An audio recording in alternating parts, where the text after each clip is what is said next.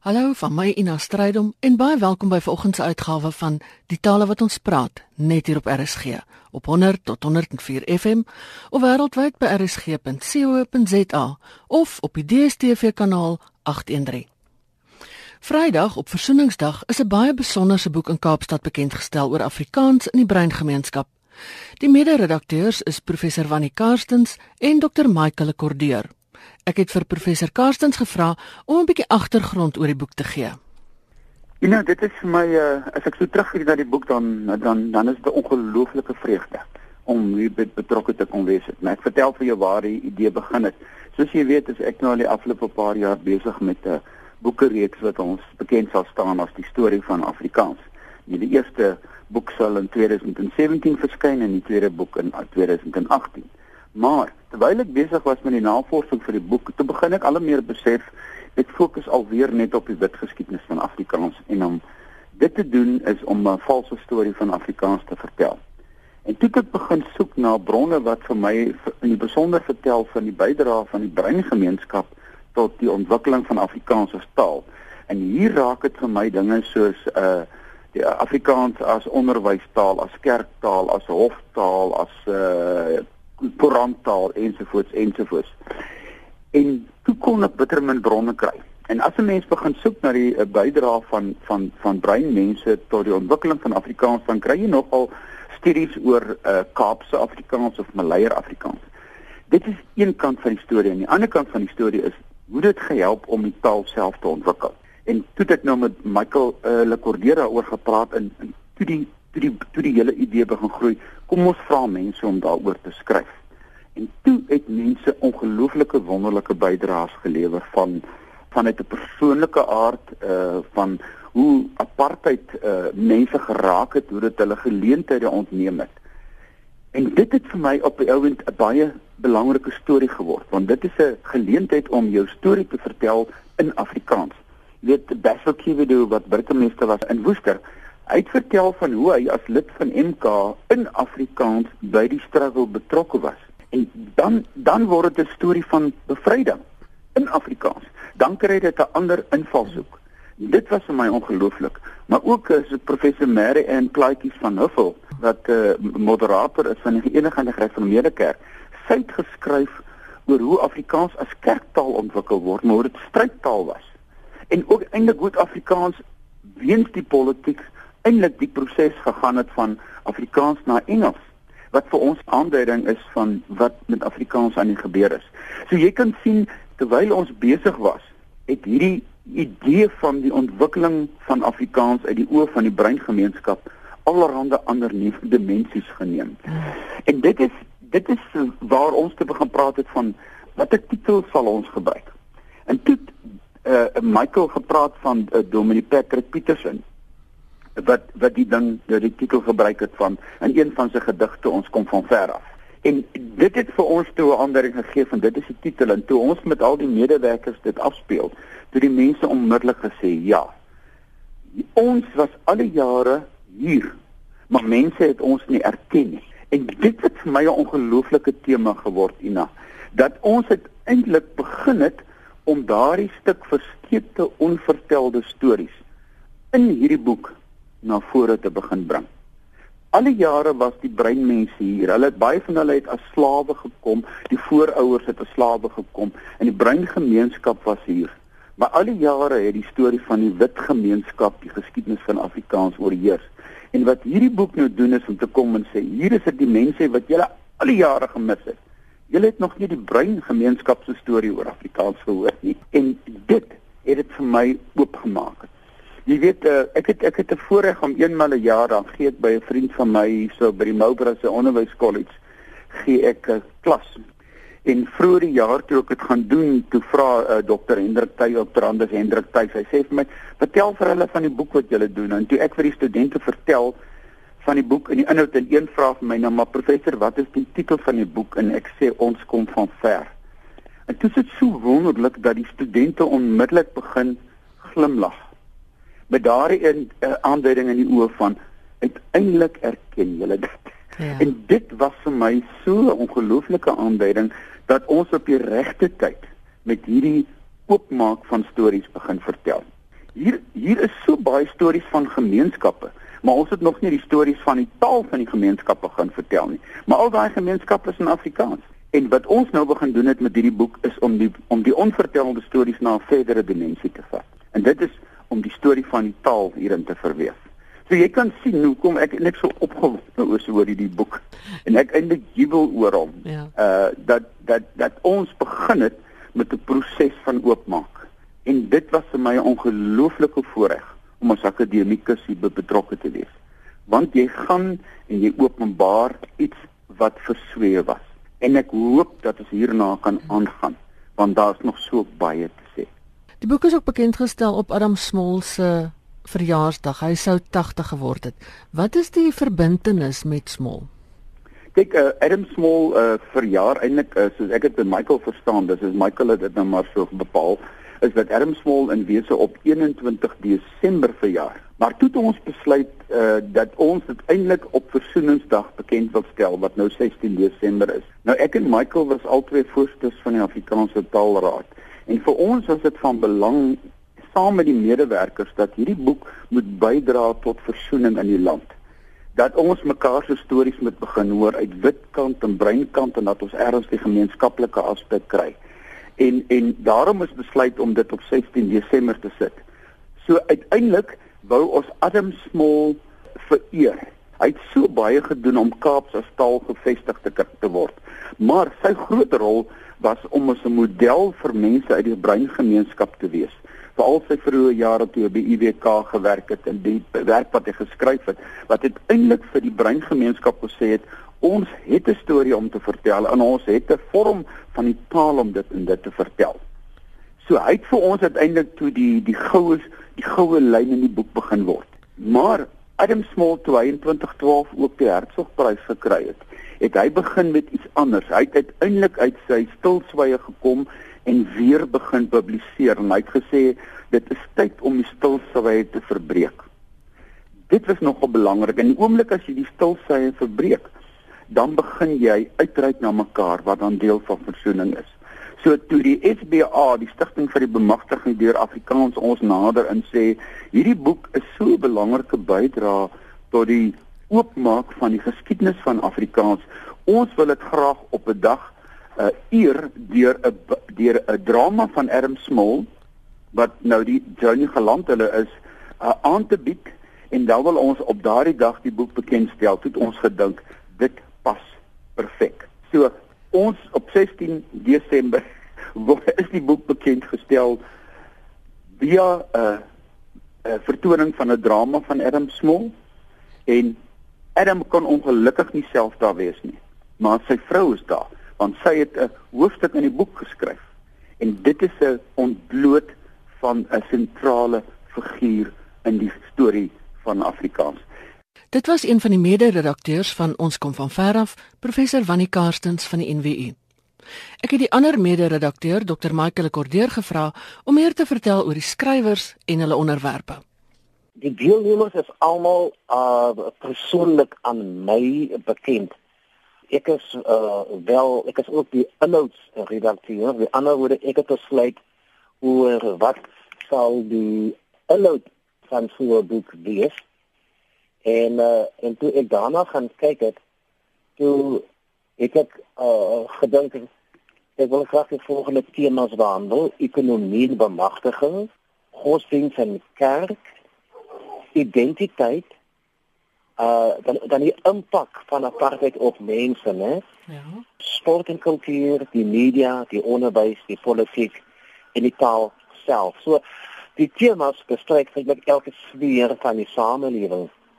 En toe ek gaan kyk wie kan vir my binne die bruin gemeenskap oor elk van daardie temas 'n baie goeie hoofstuk aanbied.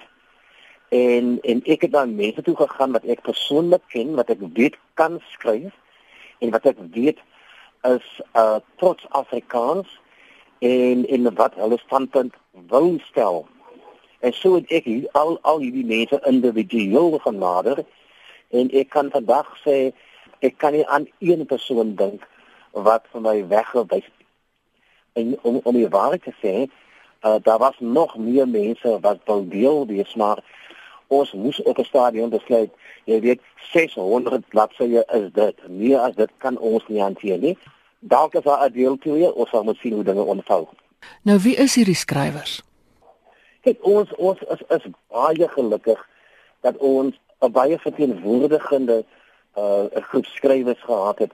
As as ek nou vinnig vir jou kan sê, net in in in in die omgewing hier waar ek vandaan af kom hier in die in die Wellington en die Parel omgewing is ek mense wat gehelp skryf het is mense soos Marlene Leroux die hoof van kunstekaart Dr. Neri en Plaatjes van Hoofdrol die moderator van die uh, sendingkerk uh Herman Bailey die oud burgemeester Jacques Bekes die jeugpredikant vir ons 'n baie belangrike stem gee van die jeug en hoe die jeug voel oor Afrikaans Patrick Wetland die onderwyskundige die wiskundige en onderwyskundige en dan ook my my my suster Edwina wat uh, uh, hele klomp die uh, 30 jaar gelede die sogenaamde swart na Juffrou Suid-Afrika was maar hulle was toe genoem by Juffrou Afrika Suid hmm. en sy vertel daai storie uh, as ek nog gaan kyk na na die die die woester omgewing mense wat van daar af kom as 'n ewe eens die ou burgemeester Basil Kibidu wat vandag 'n baie belangrike rol in die DA vervul, maar wat hy vir ons gesê het, ek het my rol teen apartheid in Afrikaans geveg. Al was ek 'n MK vegter, het ek my rol my geveg in Afrikaans geveg. Danny Patjes is ook van die booster, hy is die vandag die uitvoerende direkteur van die ATKV, die apartheid Cecil Eeso wat in 76 en weer in 80 'n baie groot rol gespeel het in die 76 opstande op die ou einde beland hy op Robben Eiland.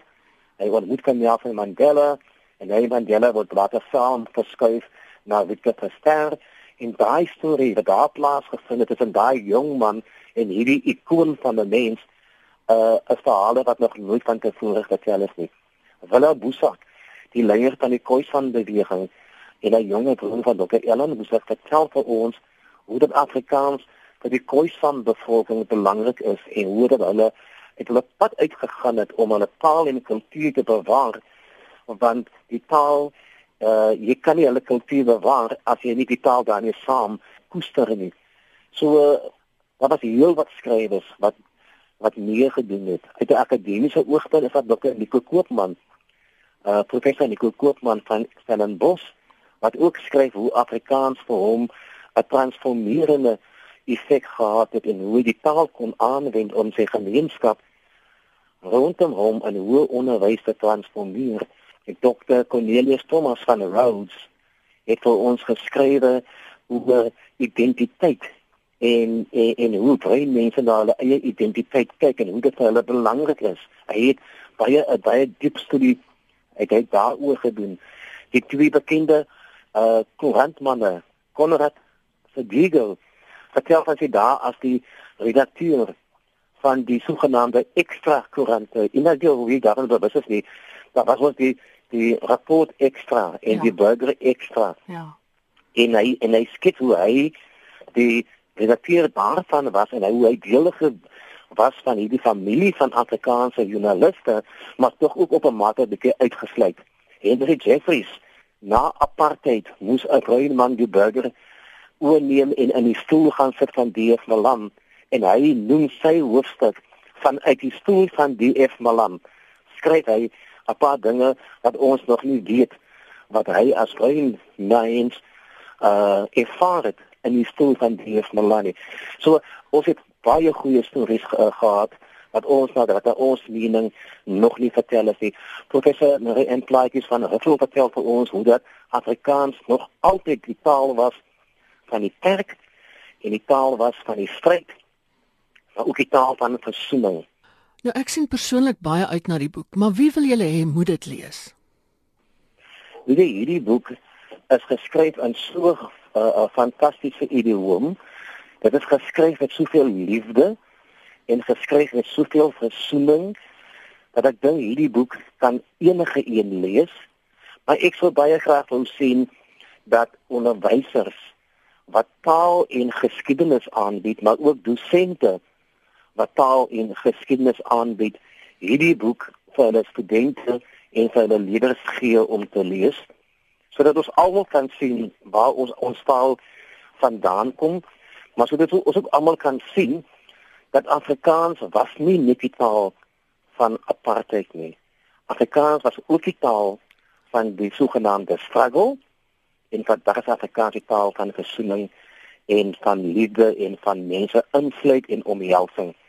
En en ek dink die boek gee 'n baie goeie platform sodat baie mense vir eens en vir altyd kan vrede maak met die feit dat hulle is Afrikaans en wese en dat hulle ook kan besef maar hulle is eintlik een gemeenskap saam met die wit Afrikaans sprekende mense dat ons het, ons is eintlik een familie.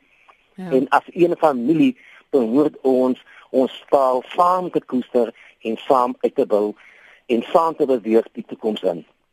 Dit was een van die mede-redakteurs, Dr. Michael Kordeer van Universiteit Stellenbosch. Een van die bydraers, die oud joernalis, oud diplomaat en oud burgemeester Konrad Sedegu, vertel meer oor sy bydrae. Baie dankie Ina. Ja, dit was my 'n aangename ja, verrassing toe uh, ek hoor dat uh, eh, Dr. Kordeer en professor Karsens hierdie goeie gedagte ontwikkel het oor hierdie samestelling. Ek dink dit is 'n baie belangrike bydrae tot die ja, ek wil self sê tot die nasiebouproses van Suid-Afrika. Ons het baie gesprekke oor baie dinge in Suid-Afrika en al bly een van die kwessies wat ons ja in baie opsigte bymekaar bring, maar ook in baie opsigte nog van mekaar vervreemd en in Afrikaans en in besonder is daar nog baie vrae en ek dink hulle probeer met hierdie uh samestelling bewys dat mense oor baie jare eintlik Afrikaans geleef het. En dit moet 'n mens onthou teen 'n agtergrond waar baie of 'n groot deel wel al die breinmense en mense van kleur eintlik uitgerangeer was uit die hele uh, politieke bestel en ook wat die taal aanbetref. Konrad, nou vertel my kortliks waaroor handel jou bydrae? My bydrae is eintlik ehm um, 'n aangepaste weergawe uh, wat ek geskryf het toe Naspers verlede jaar sy 100-jarige bestaan gevier het. Ek was die eerste rein joernalis by Afrikaanse koerant sover ons kan vasstel en dit het sy eie uitdagings gehad in 'n vorige bestel en ek het nou daaroor uh, hopelik in 'n goeie lyn daaroor gesels. Ek vertel van hierdie jong uh, onderwyser wat die klaskamer verlaat en toe joernalis wil gaan word in Keromstraat 30 in die Kaap. En ehm um, dit was nie baie maklik nie. Ehm dit was 'n dolle vaart soos ek dit beskryf het met stroomversnellings en so meer. Maar dit was na alles die moeite werd ehm um, binne die kantore om met kollegas 'n nuwe vertrekke saam te werk waar jy nie eers 'n uh, uh, uh, teekamer kon deel nie, jy kon nie badkamers deel nie en so meer. Die die die hele Suid-Afrikaanse samelewing was soos dit buite was, was dit eintlik in die werkplek ook gewees. En onder daai omstandighede as joernaliste werk en 'n uh, soort van 'n nuwe grond te breek was nie maklik nie, maar ek het dit in daai stadium glad nie as die einde van die aarde belewe nie want ek wou so graag joernalis word en na alles moet ek sê was dit die moeite werd en mense moet maar lees en sien hoe ek dit nou uh, vervat het. Die uiteinde van alles en uh, is dat ek het tot die slotsom geraak dat was eintlik ons en ek self het 'n revolusie in Suid-Afrika beleef. Ek vind nou byvoorbeeld dat my eie seun Jonathan in die einste Keromstraat 30 gebou vandag werk en hy het geen benul van wat sy pa in die einste gebou deurgegaan het nie. Hy sit in kafeteria, hy sit daar in 'n uh, eh, oopplan kantore saam met sy kollegas en hy het nie 'n gedagte nie. Ek het eendag hom daar gaan besoek in die kantoor en sommer so 'n foto saam met hom daar geneem en net vir hom gesê: "My seun, dit is geskiedenis. Dit is deel van die revolusie van Suid-Afrika en so dink ek vertel elkeen se storie myne uit 'n journalistiek oogpunt rondom Afrikaans iets oor hierdie land en eintlik sy ryke verskeidenheid en ek dink dit vertel ook van die moontlikhede wat ons nog het te midde van die uitdagings wat ons het. Dit was een van die bydraers, Konrad Sedegu. Dis tyd om te groet en van my Ina Strydom groete tot die 1 Januarie.